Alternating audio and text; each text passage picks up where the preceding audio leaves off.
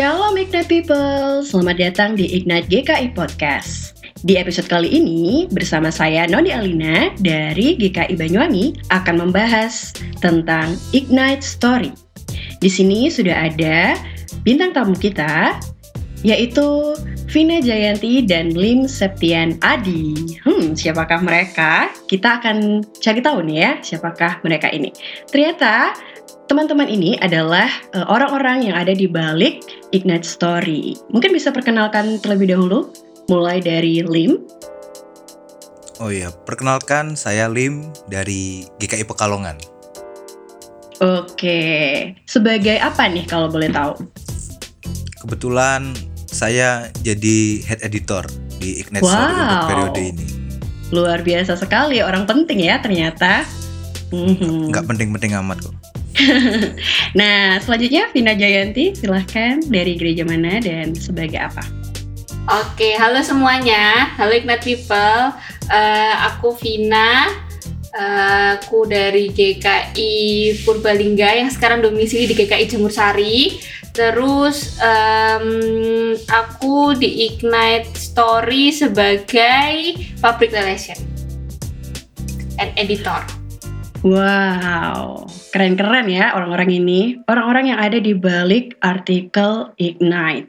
Nah, Ignite People mungkin belum banyak tahu nih ya kalau Ignite GKI tersedia di beberapa platform. Ada podcast, YouTube, TikTok, Discord, dan website. Nah, tim yang mengurus website Ignite GKI biasa disebut sebagai tim Ignite Story, yang urusannya merilis artikel-artikel dari kontributor yang kebanyakan dari kalangan pemuda gereja. Karena tulisan-tulisan itu ditulis oleh kontributor, kan ada banyak tuh ya tipe tulisannya. Nah, tim story bisa ceritain nggak sih di website Ignite GKI itu biasanya ada jenis tulisan apa aja? Dan apa yang biasa atau paling disukai gitu ya sama netizen? Mungkin dari head editor dulu nih yang menjawab. Oke, jadi itu untuk gambaran besarnya sih ada empat jenis tulisan yang bisa disubmit di website Ignite. Nah, yang pertama itu ada refleksi atau yang kita kenal sebagai live through this. Jadi di situ mm -hmm. isinya tentang refleksi dari teman-teman kontributor, mungkin dari pengalaman rohani atau pengalaman sehari-hari mereka terus dituangkan dalam uh, artikel refleksi itu live through this. Yang kemudian yang kedua ada God's word. Itu bahasa gampang itu lebih kayak PA, pendalaman Alkitab. Pendalaman oh. Alkitab. Jadi teman-teman bisa sharing soal pandangan mereka tentang suatu perikop, suatu ayat, atau mungkin juga suatu hari raya gereja gitu, misal Natal atau Paskah. Kayak kemarin beberapa ada tulisan yang masuk seputar Paskah dan Pentakosta. Terus ada mhm. juga di ranah fiksi di bagian karya itu ada juga soal puisi dan fiksi, cerpen lah bahasa gampangnya. Dan mungkin kalau yang paling favorit, bukan favorit kali ya, mungkin yang paling banyak disubmit paling baik masuk itu ada di refleksi sih dari teman dari pengalaman teman-teman kontributor. Oke, kalau nggak salah juga ada cerita fiksinya itu uh, ada berapa jenis nih? Kira-kira kan fiksinya ada macam ya, ada banyak macamnya juga ya. Hmm, hmm, hmm. Cuman kebetulan di Ignite sendiri belum ada klasifikasi khusus yang lebih spesifik.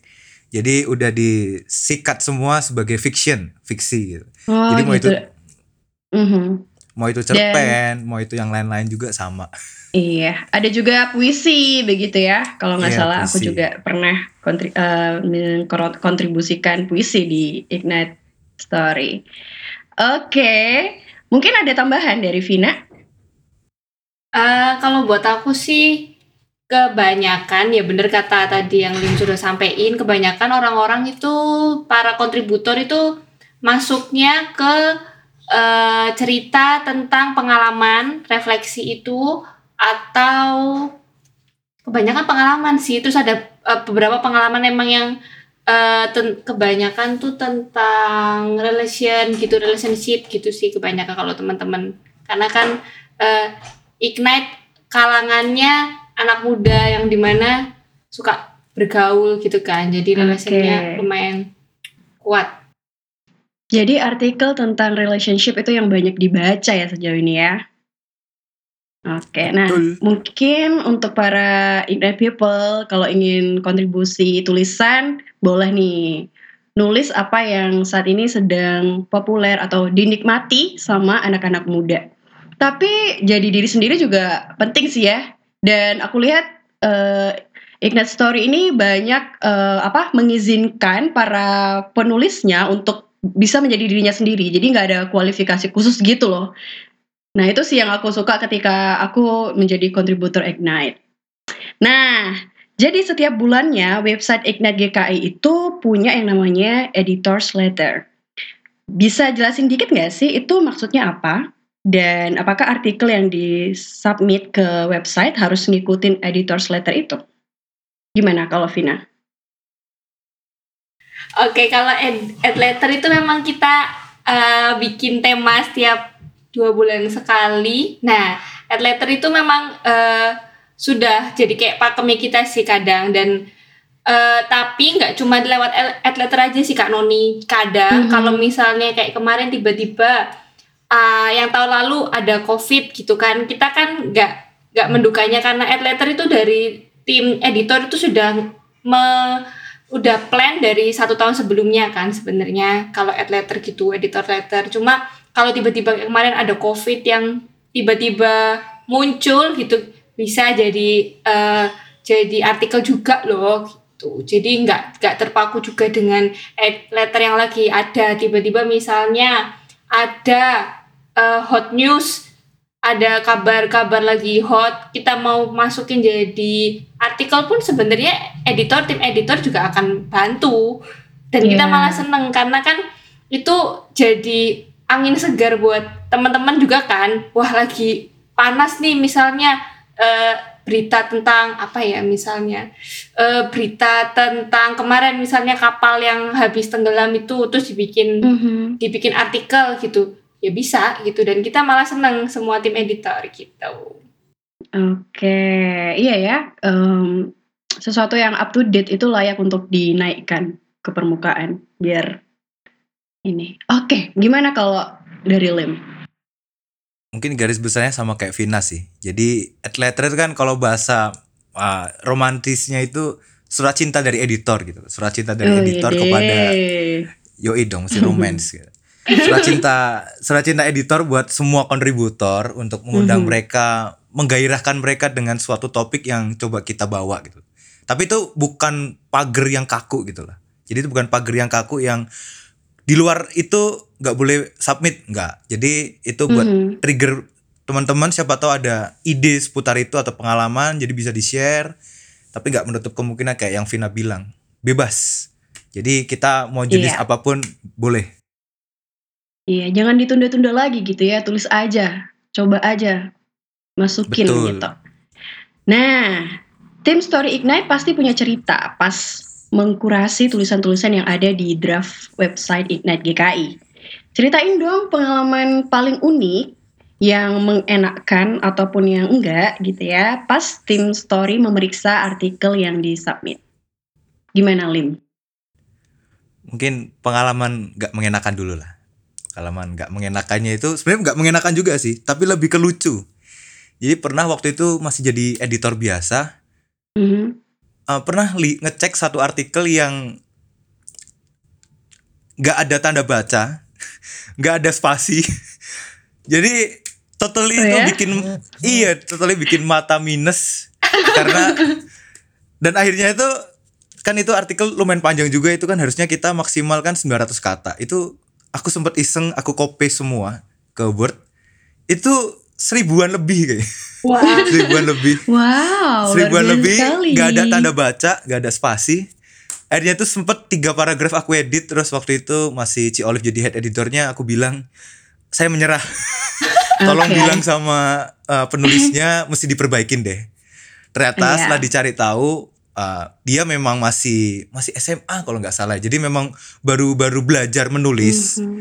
Jadi setelah denger itu yang awalnya kayak kesel jadi kayak oh oke okay lah disemangatin aja gitu loh. Mm -hmm. Jadi awalnya kesel jadinya jadi pengalaman gitu loh. Ternyata ada anak SMA juga loh yang mau kontribusi di kita mm -hmm. gitu kan. Itu sebuah hal yang keren lah buat aku pribadi. Iya. Kalau yang menyenangkan kebalikannya. Pernah baca mungkin dia penulis lama ya dan ternyata emang penulis lama Jadi sudah ada gambarnya, sudah di bold bold sendiri, ditebelin sendiri, di quotes quotes Hmm. sendiri. Jadi kayak ngecek itu oke tanpa perlu editing gitu. Jadi nganggur. Mempermudah ya tugas Cuman- editor. iya, cuman yang begitu jarang. Hmm. Paling nggak sampai lima kali lah sepanjang pengalaman ngedit. Itu sih kalau dari aku. Iya. Terus sekarang minusnya nambah. Lumayan. kalau aku kayaknya migrain kalau gitu. Kalau pengalamannya pengalamannya Vina gimana? Sebenarnya selama ini aku dari editor eh, dari tahun lalu jadi editor sampai sekarang aku nggak pernah dapet kontributor yang unik kayak Lim gitu nggak pernah. Jadi aku Mhm. waktu ditanyain aku dapet pertanyaan gini aku malah bingung apa ya. Tapi eh, ketika aku join pernah ada satu case bahwa artikel itu em, kontributornya kayak menceritakan sesuatu yang mungkin nggak seharusnya terpapar identitasnya gitu. Maksudnya kita menjaga kan, Mhm. maksudnya kita pengen menjaga. Terus habis itu eh, ya yang kayak gitu-gitu sih yang unik bahwa seben ada ada salah satu ka- jenis mungkin ya lim namanya. Kalau misalnya kita eh, kalau kita mau big submit tulisan itu kan bisa submit terus habis itu ada tulisan misalnya ceri- eh, judulnya ini kontributornya by Vina misalnya gitu kan. Nah, ini Ya. ada satu eh, bisa kita bisa submit tapi dengan anonim gitu.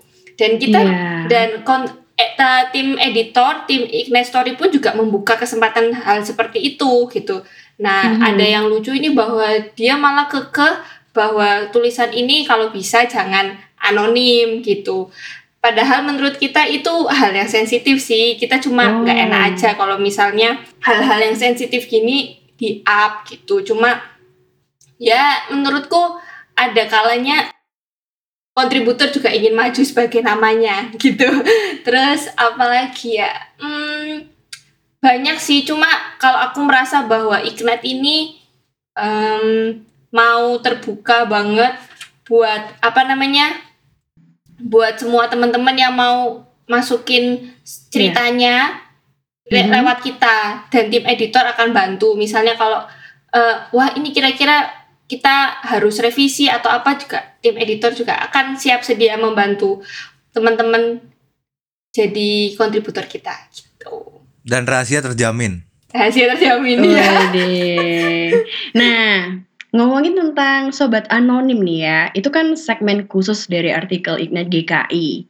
Bisa jelasin nggak sih tujuannya tuh sebenarnya apa? Kok tiba-tiba ada dibikin sobat anonim?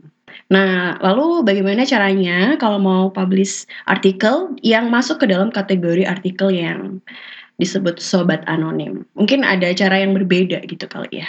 Gimana nih? Lim bisa menjelaskan? Kalau dari pengalaman selama ini sih biasanya teman-teman ngirim lewat email. Jadi by word terus dikirim lewat email ke emailnya eh, Ignite GKI yang contribute.ignite@gmail.com. Tapi Hmm. kemarin sempet ngobrol juga, kayaknya bisa juga tetap di submit di akunnya teman-teman masing-masing. Tapi nanti udah ditandain tuh di artikelnya, misalnya tolong dipublishkan lewat anonim. Nah itu nanti bisa kita copy dari tim editor yang copy, terus ditaruh di akun sobat anonim itu. Jadi teman-teman bisa pakai dua cara itu sih, sama aja. Dan rahasia aman kok, dijamin aman. Mhm. Nah, eee, panduan itu apakah ada di sosmed Ignite atau di webnya juga ada ya? Karena mungkin, eee, nggak banyak yang tahu tentang, eee, apa, segmen sobat anonim ini. Nah justru itu kami ikut podcast ini kan. Oh gitu ya, jadi supaya lebih banyak Kita yang tahu ya. podcast untuk ini. Itu Iya, iya, ini. iya. Jadi teman-teman yang Ignite people yang lagi dengerin, kalau kalian rindu berbagi tetapi berpikir bahwa oh ini tapi kisah yang terlalu memalukan atau ini adalah aibku, tapi nggak apa-apa, ditulis aja ya. Itu untuk apa bisa rilis juga ya dari luka-luka masa lalu. Nah, menulis itu salah satu terapi yang bagus dan ini penggal sesuai pengalaman pribadi sih ya. Kalau kita suka nulis, mengungkapkan semuanya tuh eh, ya itu menolong apa luka-luka hati itu terpulihkan sih. Jadi Cia. ya ini adalah wadah yang tepat begitu ya. Nah, Oke, tadi sudah cukup terjawab tentang sobat anonim. Lalu pernah nggak sih tim story Ignite GKI dapat komentar dari netizen terkait artikel yang dirilis dan bagaimana meresponnya? Vina ya, silahkan Vina. um, kalau komentar dari orang luar pasti ada aja karena namanya Ignite sebuah media sosial yang banyak sekali pengikutnya, banyak sekali yang melihat dan akan banyak sekali yang membaca. Um, yang unik banyak, tapi mm -hmm. uh, tim editor sudah uh, ketika awal mau kita apa sih kita juga bantu untuk menyeleksinya. Kita seperti apa ya uh, penjaga gawangnya sebelum masuk uh, hmm. para penonton, para pembaca, para penonton yang akan okay. melihat gitu kan. Jadi kita sudah berusaha untuk menyeleksi, kalaupun perlu diedit ya kita sudah bicarakan dengan kontributornya gitu. Tapi mungkin tetap ada omongan komentar dari luar gitu, pasti ada. Tapi uh, ada beberapa yang mungkin sudut pandangnya beda dengan penulis gitu. Tapi pernah pernah kok sekali waktu aku jadi editor awal-awal itu pernah pernah hmm. ada yang uh, komentar-komentar gitu dan sudut pandangnya berbeda dengan dengan penulis. Dan mungkin penulisnya juga baru tahu kalau oh gitu ternyata. Maksudnya oh sudut pandangku ternyata agak berbeda dan salah ya gitu. Tapi uh, setelah itu setelah dibicarakan ya dan kita bantu untuk menjelaskan uh, masalahnya akhirnya clear dan uh, dibantu untuk merevisi sih. Jadi kita mm-hmm. ada sedikit perubahan di artikelnya, terus kita juga bantu bicarakan gitu. Cuma uh, dari tim editor juga tetap dan tim editor maupun sosmed kan beberapa artikel ini akan akan dimasukkan ke uh, Instagramnya Ignite juga. Nah itu iya uh, kita semua sudah memfilternya istilahnya difilter dulu terus kita juga bantu untuk menyaring uh, tema-temanya sih maksudnya kalau oh ini kayaknya kurang cocok atau ada yang harus diubah ada yang harus diganti terus mm -hmm. kalau misalnya sudut pandangnya kurang baik ya kita juga bisa bicarakan sih biasanya kan ya ya kali tim pernah nggak kalau aku yeah. Iya. uh, kontributornya baik-baik kebetulan nggak pernah nggak sih sampai uh, artikelnya tuh di take down gitu loh. Mungkin Lim ada pernah dapat pengalaman itu? Hmm, kebetulan kalau yang sampai di take down itu pernah dua kali, dua kali.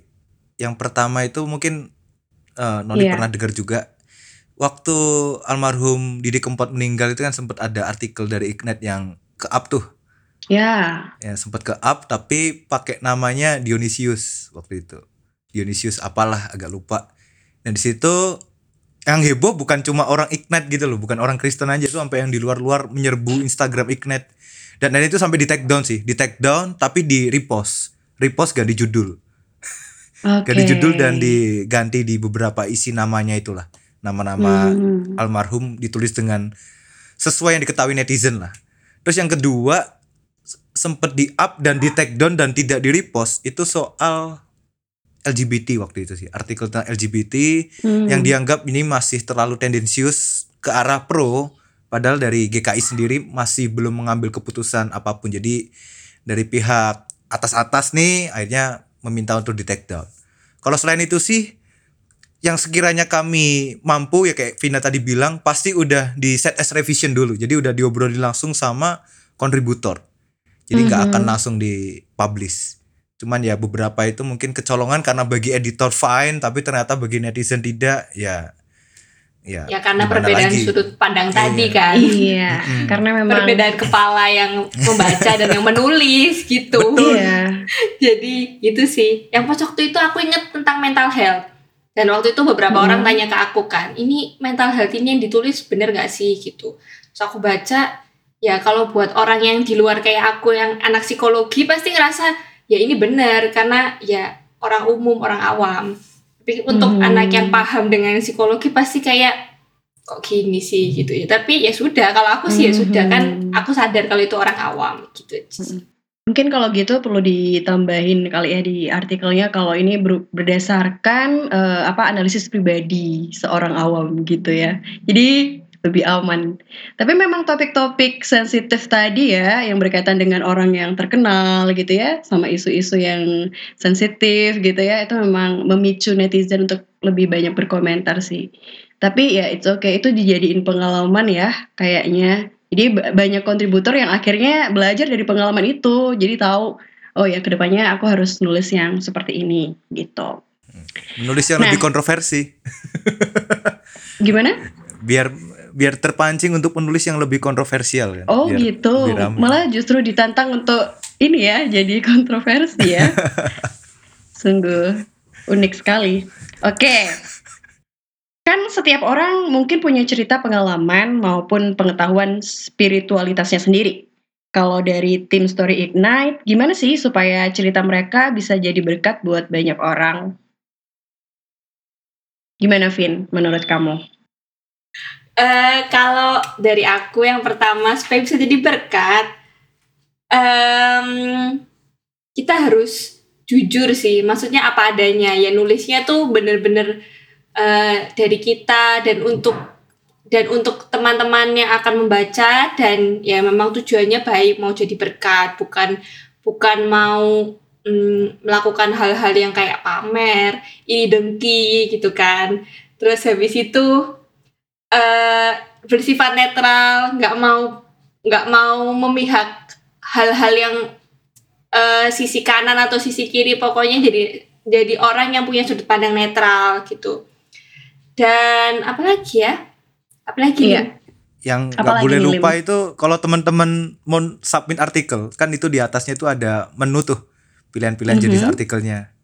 Itu ada Mhm. tulisan tuh berdoalah dahulu sebelum menulis. Nah, Oh, Jadi- iya jadi ya supaya kita berhikmat gitu berdoalah sebelum akhirnya nanti yang itu akan menolong kita buat bisa jujur, bisa netral, bisa sesuai dengan kebenaran Tuhan lah kita nggak mau pakai kebenaran kita aja gitu kan. Pasti kan Wih, memberi dampak biasa. yang positif.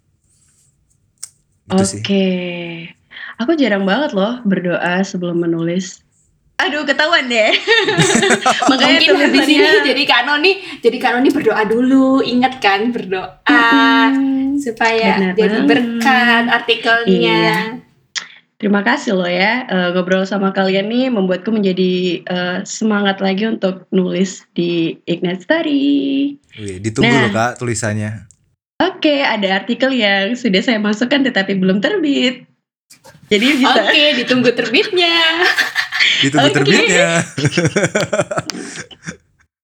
Oke, jadi itu tadi sharing dari tim editor Ignite Story. Nah, semoga teman-teman yang mendengarkan boleh terinspirasi untuk kemudian menyalurkan karyanya yang berupa tulisan-tulisan itu ke website Ignite. Oke, mungkin ada closing statement nih dari Lim dan juga Vina yang bisa disampaikan untuk Ignite People yang mendengarkan saat ini. Silahkan Lim. Mungkin sebelum closing statement jadi kebetulan nih Ignite Story lagi buka lowongan magang buat teman-teman kontributor. Jadi buat teman-teman Oke. yang buat teman-teman yang sudah pernah submit artikel dan dipublish dan sudah join di grup kos-kosan, boleh banget kalian daftar buat jadi anak magang di Ignite Story.